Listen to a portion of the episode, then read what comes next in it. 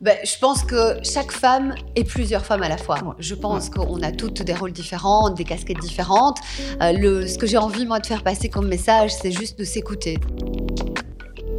Happy Habits. Bienvenue dans ce podcast Happy Habits où j'ai l'honneur de parler avec quelques femmes qui représentent une attitude pertinente ou importante dans le monde de la santé. Aujourd'hui, je fais la connaissance d'une ravissante animatrice pour la RTBF, spécialisée en météo et en environnement. Et en plus de ça, elle aime tout ce qui est healthy. Et il n'y a que cinq semaines, je répète, cinq semaines, elle est devenue la maman d'un adorable fils qui s'appelle Victor. Daniela, enchantée. J'ai un peu peur de prononcer ton nom de famille. Je ah, l'adore. Hein. c'est vrai? Mais c'est... C'est compliqué. Prepeliuk. Et c'est d'origine quoi? C'est d'origine roumaine. Prepeliuk. Super exotique. Répète, Prepeliuk. Prepeliuk. Voilà. C'est pas Prepeliuk. Non, non, non, non, non, non. Prepeliuk. Une fois que tu l'as, tu le tiens généralement. Ça, c'est Pour toujours? Oui, c'est promis? Ok. Comment te sens-tu aujourd'hui? Très bien. Écoute, je suis très bien dans ma peau. J'ai la chance d'avoir un petit garçon qui est adorable, qui nous facilite beaucoup la vie. Et euh, j'aime beaucoup ce nouveau rôle de maman, mais euh, j'aime aussi euh, mon boulot. Donc c'est la raison pour laquelle ben, très prochainement, je serai de retour sur les antennes de, de, télévision. Et puis je suis de retour aussi dans ce podcast pour parler un petit peu de ma vie et de mes habitudes alimentaires. Il te ressemble, Victor? Il te ressemble à toi ou à ton, à ton, ton mari ton... Mon mari. Euh, on dit que c'est un peu euh, le mini Quentin. Donc, c'est ah, un peu le, plus mon mari que moi. Qu'est-ce que ça, ça, te fait à toi, la maternité? Qu'est-ce qui, qu'est-ce qui a changé? Euh, ce qui a changé, c'est que aujourd'hui, je ne suis plus la priorité de ma vie. Donc, euh, la priorité de ma vie, c'est devenu mon fils. Euh, c'est euh, c'est quelque chose qui est inexplicable. C'est vrai qu'on nous dit la maternité, c'est beau, avoir un enfant, c'est magnifique, mais on n'imagine pas en fait la force de cet amour. et c'est ça, en fait, c'est c'est exponentiel, c'est indescriptible. C'est un truc graduel ou tout d'un coup, t'es maman et voilà, tu as cette sensation d'amour pour moi, ça a été, euh, ça a été une évidence. Voilà, je sais que certaines mamans, ça arrive avec le temps. Moi, dès qu'on a posé mon bébé sur moi, Victor sur moi, ben, ça a été fusionnel, ça a été viscéral, et euh, la conscience d'être maman m'est venue tout de suite. Et qu'est-ce que tu fais maintenant déjà pour maintenir cet équilibre entre ta vie professionnelle et privée, même si c'est pas, enfin c'est pas il n'y a pas une claire démarcation entre, non, les deux, si je comprends bien. Mais en fait, euh, trouver un équilibre, c'est vraiment euh, une balance au quotidien. C'est déjà, premièrement, faire du sport. Alors, par, euh, par, la maternité et par le fait que j'ai été enceinte, j'ai dû lever le pied parce que quand tu es enceinte, tu ne peux pas pratiquer du sport. Mais, il y en a qui le font. Oui, hein, mais en tout cas, de hein. manière très légère, très light. Tu peux pas. Moi, je faisais de la course à pied, je faisais de la boxe, je faisais des choses qui étaient ah. assez. oui. Tu vois, et c'est parce que tu sentais que c'était plus une option ou ou c'était vraiment pour pour Victor que tu, que tu as que j'ai un petit peu levé le euh, pied mais parce que c'était sous les conseils de ma gynécologue parce que c'est important effectivement de ne pas faire de sport euh, euh, avec des impacts. Donc la course à pied par exemple ben, c'est pas très recommandé quand on est enceinte. La boxe encore moins évidemment. Je faisais beaucoup de cardio donc tout ça n'est pas recommandé. Par contre j'ai fait du yoga prénatal j'ai fait ce genre de, de, cours qui sont beaucoup plus soft. J'ai fait de la natation j'ai fait de la marche. Et donc j'ai continué à avoir mine de rien tout de même un côté sportif même si c'était plus léger et une bonne alimentation.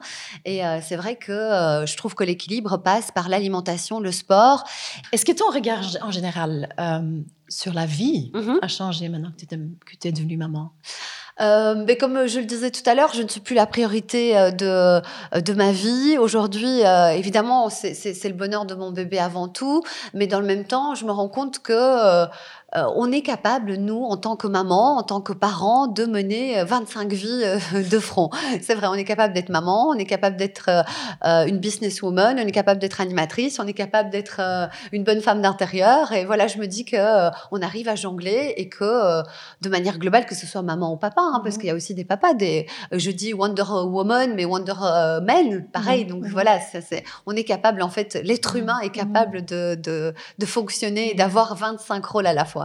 Et qu'est-ce que tu dirais aux femmes qui écoutent maintenant, qui, ont la réaction de 25 femmes, j'ai du mal à être une femme? Ben, Je pense que chaque femme est plusieurs femmes à la fois. Je pense qu'on a toutes des rôles différents, des casquettes différentes. Euh, le, ce que j'ai envie, moi, de faire passer comme message, c'est juste de s'écouter, de faire des choses qu'on a envie de faire, d'essayer de, de, donner la priorité aux choses qu'on aime, d'essayer aussi parfois de, de, changer ses habitudes alimentaires pour pouvoir gagner en, bien-être, pour pouvoir améliorer son bien-être. Et moi, je suis adepte hein, de ce genre de défi. C'est la mhm. raison pour laquelle j'ai accepté ce défi aussi, hein, 21 mhm. jours, parce que je pense que ça peut clairement améliorer mon bien-être. Et euh, mon objectif, c'est euh, évidemment d'être une bonne mère, euh, une chouette épouse, une chouette animatrice, mais dans le même temps de me sentir bien dans ma peau. Ça, c'est vraiment mon, mon, je dirais, mon objectif numéro un. Qu'est-ce que tu peux nous dire sur ta routine quotidienne? Alors ma routine quotidienne, elle commence toujours par un bon petit déjeuner. Donc ça, c'est vraiment quelque chose euh, qui pour moi euh, est très important. Je ne loupe jamais le petit déj, j'adore. Euh, c'est un moment plaisir aussi en même temps parce que je prends le temps de lire, je prends le temps parfois de partager aussi certaines choses avec ma communauté, un petit message déjà de bonjour. Voilà, aujourd'hui, telle est ma routine. Et ma routine, c'est quoi? Ce sont des céréales, du muesli, un Activia parce que ça me permet d'être en forme, d'équilibrer un petit peu la, la suite de ma journée. C'est vraiment mon parfait euh, partenaire du matin euh, et en même temps une petite tartine. Donc voilà comment je commence ma journée. Est-ce que tu as des tips and tricks pour mieux dormir? Pour mieux dormir, alors je pense que pour mieux dormir, ben déjà pas utiliser son téléphone juste mhm. avant de, d'aller au lit, hein. essayer d'éviter une demi-heure avant, euh, prendre le temps de se mettre dans de bonnes conditions. Moi, ce que j'aime beaucoup, c'est mettre une petite musique relaxante. D'ailleurs, mon fils, hein, j'avoue que lui aussi, il adore. C'est, comme ça qu'il est né. Il est né sur de la musique oh. très calme. Et c'est vrai qu'on on, met souvent de la musique très calme le soir euh, pour euh, rééquilibrer un petit peu les énergies. Euh. ça, c'est quelque chose que je fais. Donc, pas utiliser le téléphone tout, proche. Parfois, prendre peut-être un bouquin, lire une page ou deux parce que ça, te permet de, finalement sentir le sommeil arriver. Et puis, ben, essayer un maximum de se reposer dès que finalement on sent que c'est nécessaire. Les siestes aussi, c'est quelque chose euh, que moi, moi j'en fais énormément, oui, parce que euh, de par le passé, j'ai eu des horaires qui étaient très variables. Euh, j'ai travaillé de nuit, je me suis réveillée à une, deux heures du matin parce que je faisais des matinales en télévision. Donc c'est voilà, j'ai l'habitude de, me réveiller comme ça. J'ai eu l'habitude de me réveiller. Donc les siestes, c'est quelque chose que moi j'arrive à faire. Je mets la tête sur un oreiller, je peux faire une sieste de 20 minutes sans problème. Oh, génial. tu crois que tout le monde peut faire ça? Une sieste de 20 minutes? Oui, je pense que c'est très très bon. Par contre, il faut réussir à s'endormir. Je sais que certaines ah personnes ont du mal. Moi, j'y arrive. Maintenant, je sais pas. C'est, je pense que c'est aussi une habitude qu'on acquiert au fur et à mesure qu'on teste. C'est comme le yoga. Je pense que, voilà, au départ, c'est très difficile de pouvoir se concentrer sur soi-même, mais au fur et à mesure qu'on travaille, on y arrive. Donc, je pense que les siestes, c'est un peu pareil. Au départ, c'est difficile. On se rend compte que finalement, on a dormi que 5 minutes, mais mhm. au fur et à mesure, peut-être que le corps va s'habituer et que finalement, on y arrive. Est-ce que le yoga aussi t'a aidé pour mieux pouvoir te reposer euh, Oui, quand, je, en tout cas quand j'étais enceinte, oui, le yoga prénatal m'a pas mal aidé. Ça m'a permis aussi de gagner en souplesse, hein, mine de rien. Ah. J'ai fait pas mal d'exercices. le sommeil, ça permet évidemment de rééquilibrer un petit peu le sommeil euh, au fur et à mesure de, de, de, la journée, des siestes ou encore des nuits.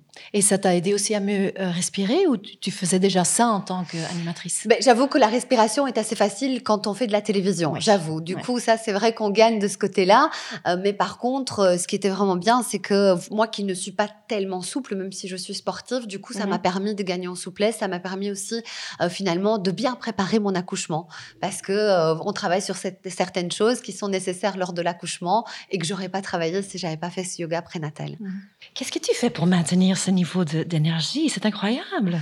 Je suis une personne qui est très positive. Je suis très optimiste. Enfin, je crois que je dois tirer la tronche trois mhm. fois par an. Donc, c'est pas dans mes habitudes. Donc, j'ai la chance d'avoir une une, euh, une superbe vie. Oui, je peux le dire, je suis dans la gratitude parce que j'ai tout ce que j'ai toujours désiré. J'ai un super boulot, j'ai un petit garçon qui est en bonne santé, j'ai un mari en or, je suis en bonne santé. Donc, oui, il n'y a pas de raison que je sois de mauvaise humeur ou que je tire la tronche. Et d'ailleurs, je le fais pas beaucoup. Hein, c'est pas quelque chose euh, qui me correspond. Voilà, je me réveille le matin, j'ai la pêche.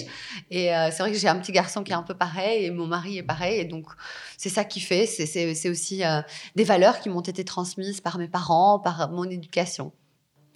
Combien de temps ou d'heures ou de, je ne sais pas, par semaine, par mois, est-ce que tu passes dans la nature? J'ai la chance d'habiter pas loin du euh, bois de Halle. Je suis vraiment Hmm. à 150 mètres. Donc, du coup, ben, je passe beaucoup de temps. Dès qu'il fait beau, ben, évidemment, balade. Mais même quand il fait gris, bon, parce qu'en Belgique, il faut bien le dire, la grisaille, Hmm. ça fait partie de notre quotidien. Même quand il fait gris, à partir du moment où on n'a pas les grosses pluies, euh, je suis la première à sortir et à prendre l'air. Oui, je passe beaucoup de temps. Et tu fais dehors. quoi Tu cours Tu, tu te balades Ben, tu- là, pour le moment, avant, oui, il m'arrivait de courir, mais sinon, c'est plus des balades. Effectivement, des balades dans les bois. Je peux rester deux, trois heures à me balader, à profiter de la nature, euh, Hmm. à faire mon tour, euh, à, à observer aussi. C'est important d'observer la nature. Quand le printemps, euh, quand le printemps s'installe, là, c'est génial parce que au bois de Halle, il y a les jacinthes qui fleurissent. Hmm. Les jacinthes, c'est les belles fleurs euh, mauves. hein. Ça Mhm. fait un tapis un peu enchanté comme ça. Et donc, euh, bah, ça aussi, on en profite euh, de voir la nature évoluer au fur, des- au fur et à mesure des saisons. hein. Et puis tu vas parler avec tous les touristes qui s'amènent Oui. du monde entier Oh pour observer les fleurs. Hmm. Ça, par contre, c'est un peu triste parce que Ouais, justement, il y a des touristes du monde entier Ouais. et nous qui habitons à côté, en fait, ils sont carrément en train de couper les routes. hein. Donc, euh, ils les mettent à un seul sens parce qu'il y a des cars euh, de touristes qui viennent.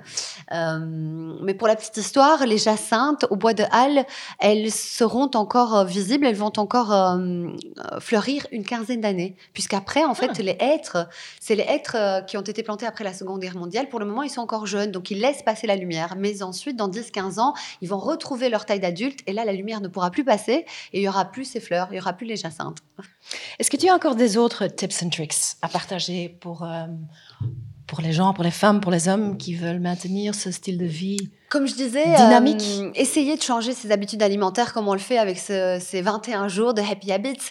Euh, se dire que 21 jours, déjà, c'est pas grand-chose. Et puis surtout, une fois qu'on on le fait un jour, deux jours, trois jours, au fur et à mesure, eh bien, ces habitudes deviennent finalement quelque chose de constant dans notre vie. On commence vraiment à les intégrer et ne pas hésiter à le faire. Ne pas hésiter euh, à peut-être au départ se faire un petit peu violence parce qu'on se dit, bah, c'est pas quelque chose que j'ai l'habitude de faire, mais au fur et à mesure, se rendre compte que ça aide vraiment au quotidien. Et euh, je dirais, voilà, essayer, euh, prendre conscience finalement que notre corps et notre esprit sont très importants.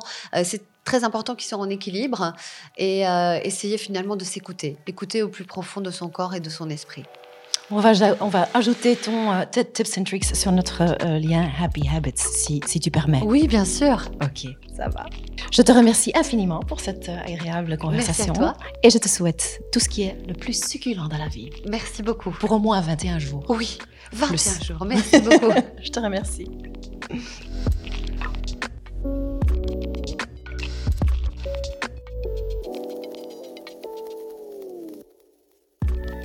Ce podcast vous a donné envie d'adopter de nouveaux Happy Habits? Génial Achetez un pack d'Activia et rendez-vous sur activia.be et inscrivez-vous sur la page Happy Habits où vous trouverez aussi nos trucs, astuces et nos recettes.